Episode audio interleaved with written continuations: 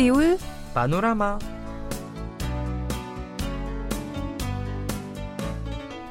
أيها الأصدقاء والأحباء السلام عليكم ورحمة الله وبركاته. أهلا وسهلا ومرحبا بكم معنا مستمعينا الكرام في حلقة جديدة من برنامجكم اليومي سيول بانوراما كيف حالكم اليوم؟ نتمنى أن تكونوا بكل خير. نعم. نود أن نفتتح حلقة اليوم بخبر حول أكبر المهرجانات الخاصة بالمعكرونة راميون حجما في العالم والذي سيقام في مدينة بوسان الواقعة في جنوب شرق البلاد. نعم فمن المتوقع أن يقام مهرجان الراميون العالمي لعام 2022 في الفترة من الأول من أكتوبر وحتى العشرين من نوفمبر في بوسان. بالفعل هذا المهرجان باهتمامات ساخنة خاصة بين عشاق راميان داخل وخارج البلاد. ويذكر أن زوار المهرجان يمكنهم تذوق حوالي 3500 نوع من أنواع الراميان التي يتم إنتاجها في مختلف دول العالم. بعد شراء تذكرة المهرجان البالغة من الثمن عشرة آلاف وون أي ما يساوي حوالي سبعة دولارات فقط. إذا هل أنت من عشاق الرامن؟ نعم. نعم. أنا أيضا لكن لا أكله كثيرا. أنا أيضا أنا أيضا بسبب يعني خوفا من السعر الحرارية. نعم هذا صحيح. على كل حال يعني يضم المهرجان مختلف الفعاليات المثيرة. بما في ذلك مسابقة لاختبار ملك طهي الراميون ومسابقة لأغاني الخاصة بالراميون إلى جانب مسابقة لاختيار أفضل مقاتل للراميون جميل. وقبل أن نتعرف على المزيد من الأخبار الكورية الجديدة والخفيفة دعونا نستمع إلى هذه الأغنية الكورية بعنوان هيا نلتقي في الخريف وهي بصوت الفنان يونغون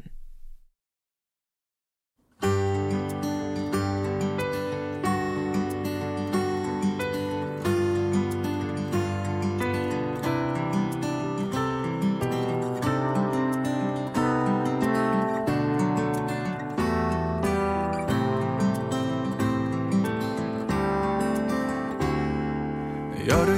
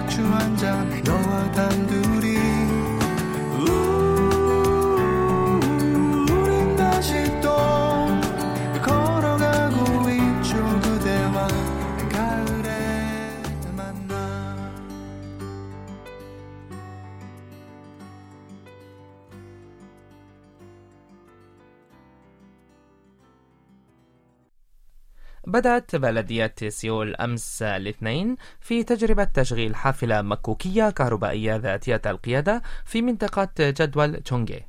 يشار إلى أن هذه الحافلة ليست عربة ذاتية القيادة مزودة برايدرات وجيجة كاميرا وغيرها بل هي عربة مزودة بتقنيات وتصميمات مستقبلية تم إنتاجها في خدمة نقل العام ذاتي القيادة منذ البداية.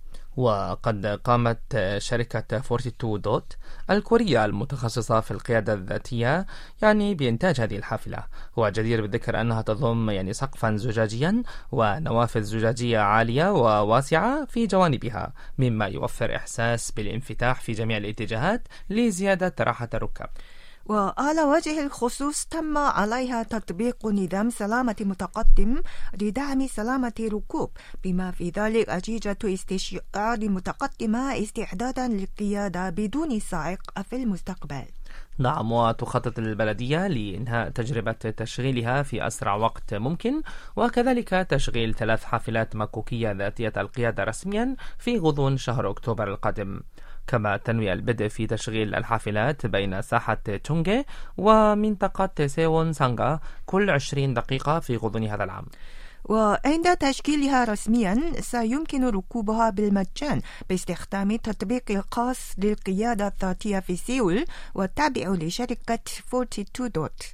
نعم وبهذه المناسبة قال بيكو مدير قسم النقل التابع للبلدية إن هذه الحافلة الجديدة ستتيح فرصة للمواطنين لتجربة تقنية القيادة الذاتية باعتبارها وسيلة نقل عامة مستقبلية.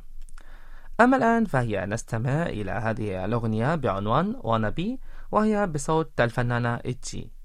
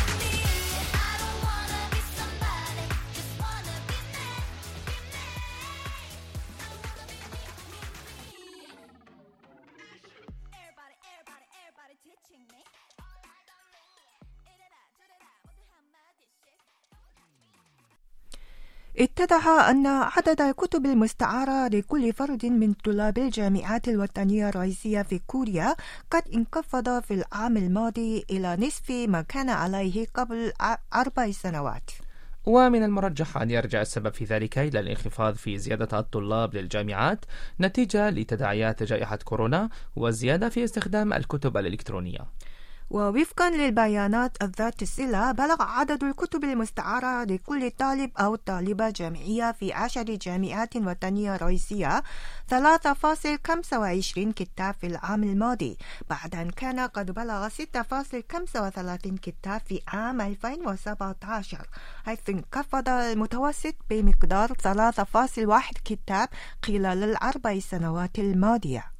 يشار إلى أن عدد الكتب المستعارة لطلاب الجامعات الوطنية المحلية ظل ينخفض باستمرار ففي عام 2018 بلغ متوسط عدد الكتب للفرد الواحد في هذه الجامعات 5.76 كتاب وفي عام 2019 5.41 كتاب. وفي عام 2020 الذي بدأ فيه تفشي الجائحة بلغ العدد 3.36 كتاب ثم 3.25 كتاب في العام الماضي. وحتى نهاية شهر أغسطس الماضي بلغ العدد 2.44 كتاب لكل فرد. نعم وفي سياق متصل أشار الخبراء ذو الصلة إلى أن الطلاب الكوريين يعني يقبلون على قراءة الكتب الإلكترونية بالتوازي مع تنوع محتوياتها. كما قالوا إن التغييرات في أنماط قراءة الطلاب المعتادين على الوسائل الرقمية بما في ذلك الهواتف المحمولة قد أثرت على انخفاض قراءة الطلاب.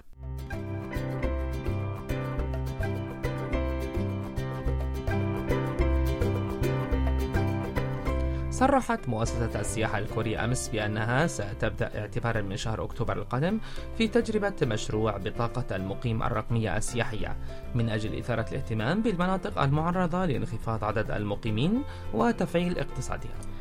وتعد بطاقة المقيم السياحية رقمية نوعا من بطاقات الهوية الفخرية للمقيمين التي يمكن بها الحصول على العديد من تسهيلات وخصومات السفر في الإقامة والطعام في المناطق المحلية باستخدام شفرات الاستجابة السريعة الصادرة عن تطبيقات الهواتف المحمولة. ويهدف هذا المشروع إلى إنعاش مختلف المناطق المحلية من خلال يعني زيادة الزيارات إليها وفترات الإقامة فيها بين المسافرين بواسطة السياحة بعد تفاقم أزمة المناطق المحلية الناتجة عن الشيخوخة وخروج السكان منها. وقد اختارت وزارة الداخلية والأمن الكورية منطقة بيونغجان في مقاطعة كانوون ومنطقة أوكجان في مقاطعة شمال چونغچong كأول منطقتين خاضيتين لتجربة المشروع اعتمادا على ارتفاع رغبات سكانهما في تنفيذ المشروع. ويمكن لأي شخص يمتلك هاتفا ذكيا أو جهاز كمبيوتر لوحي الحصول على بطاقة المقيم السياحية من خلال تحميل تطبيق أركان جمهورية كوريا من منصة المعلومات عن السفر التابعة لمؤسسة السياحة الوطنية. ويمكننا تحميل بطاقة المقيم لمنطقتي بيونغچang وأوكجان في آن واحد. وإذا زرناهما ومعنا البطاقتين يمكننا أن نحظى بمختلف الخصومات بعد مسح شفرات الاستجابة السريعة. وتنوي إدارة منطقة بيونغتانغ تقديم بطاقة المسافرين في بيونغتانغ التي تبلغ قيمتها عشرة ألاف وون إلى أول خمسة ألاف من مستخدمي بطاقات المقيمين السياحية. بينما ستقدم إدارة منطقة أوكتون خصما في رسوم الإقامة في مرافق الإقامة الرئيسية فيها بما بين 10 و 30% وخصم رسوم التجارب المتنوعة ب 50% حتى نهاية شهر نوفمبر القادم. وقد أعدت المؤسسة الكورية مختلف البرامج الجديرة بالاستمتاع بالتعاون مع إدارتي وسكان المنطقتين حيث ستقوم إدارة بيونغتشانغ بتنفيذ برامج مثل تجربة المقاهي الطريفة وتجربة المعقولات الخاصة بالمعسكرات وتجربة صنع الكعك. كما تنوي إدارة أوكتون تنفيذ مختلف البرامج الأسرية مثل تجربة حصاد العسل والزيارات الخاصة للشخصيات البارزة في المنطقة.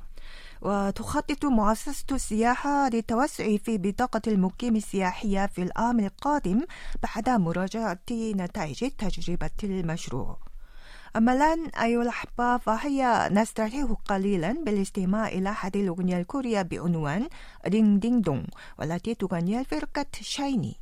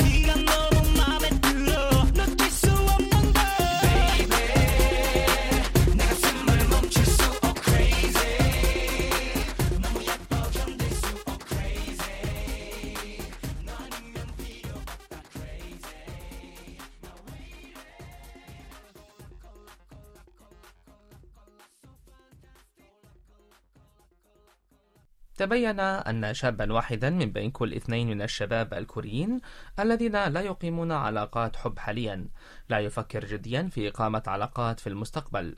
ويرجع السبب الرئيسي في ذلك إلى أنه مشغول وراضي عن حياته الفردية بشكل كاف. وحول الزواج ينظر إليه نصف الشباب الكوريين بشكل إيجابي بينما ينظر إليه نصفهم الآخر بشكل سلبي. وقد اختاروا الإبوة الاقتصادية كأهم الأسباب في عدم الزواج. جاء ذلك في مسح أجراه الاتحاد الوطني للصحة والرفاهية على 1047 من الشباب الكوريين الذين تتراوح أعمارهم بين 19 و 34 عاماً. ووفقا لنتيجة المسح اتضح أنه لدى 71% من المشاركين تجربة إقامة علاقة حب. وقال 42% منهم إنهم راضون عن تلك التجربة. وقد بلغ متوسط فترات التمتع بتلك العلاقات حوالي عام وتسعة أشهر بينما بلغ متوسط عدد اللقاءات بين الأحباء منهم ثماني مرات شهريا. أما متوسط عدد الصراعات والخلافات بين الأحباء فقد بلغ 2.2 مرة شهريا. وحول أسباب ذلك أجاب 30% منهم بالاختلاف في النزعات الشخصية. كما أجاب 21% منهم بعدم الرضا عن المواقف بينما أجاب 20% منهم بعامل اتصال نعم هذا صحيح. وحول أسباب الفراق أجاب 61% منهم بالاختلاف في الطبائع الشخصية بينما أجاب 14% منهم بالأسباب الواقعية. وفيما يتعلق بالزواج تبين أن 51% منهم فقط لديهم نية للزواج في المستقبل. وحول أسباب عدم الرغبة في الزواج قال 50% منهم بالظروف الاقتصادية الصعبة. بينما قال 38% منهم بالشعور بالسعادة بالحياة الفردية. نعم كما أجاب 29% منهم بأنه ليس لديهم أشخاص يحبون الزواج منهم. وحول نية الإنجاب في المستقبل أعرب يعني 44% منهم عن موقف إيجابي. يا سلام هذه مشكلة كبيرة. قليل يعني 44 نعم. وحول أسباب عدم الرغبة في الإنجاب أجاب 57% منهم بالعبء الاقتصادي في التربية والتعليم بينما أجاب 40% منهم بعدم الرغبة في التضحية بأنفسهم من أجل الأولاد. كما قال 37% منهم بعدم توافر البيئة الاجتماعية المناسبة لتربية الأولاد. وإجماليا تبين في المسح استمرار الموقف السلبي للشباب الكوريين من علاقات الحب والزواج. وأشار الخبراء ذو سلة إلى أن سياسة تشجيع الإنجاب القائمة لا تستطيع تغيير هذا الموقف مؤكدين على ضرورة إحداد طرق حقيقية لتحسين جودة حياة الشباب بما في ذلك التوسع في تناول الأسر ونشر ثقافة المساواة بين الجنسين.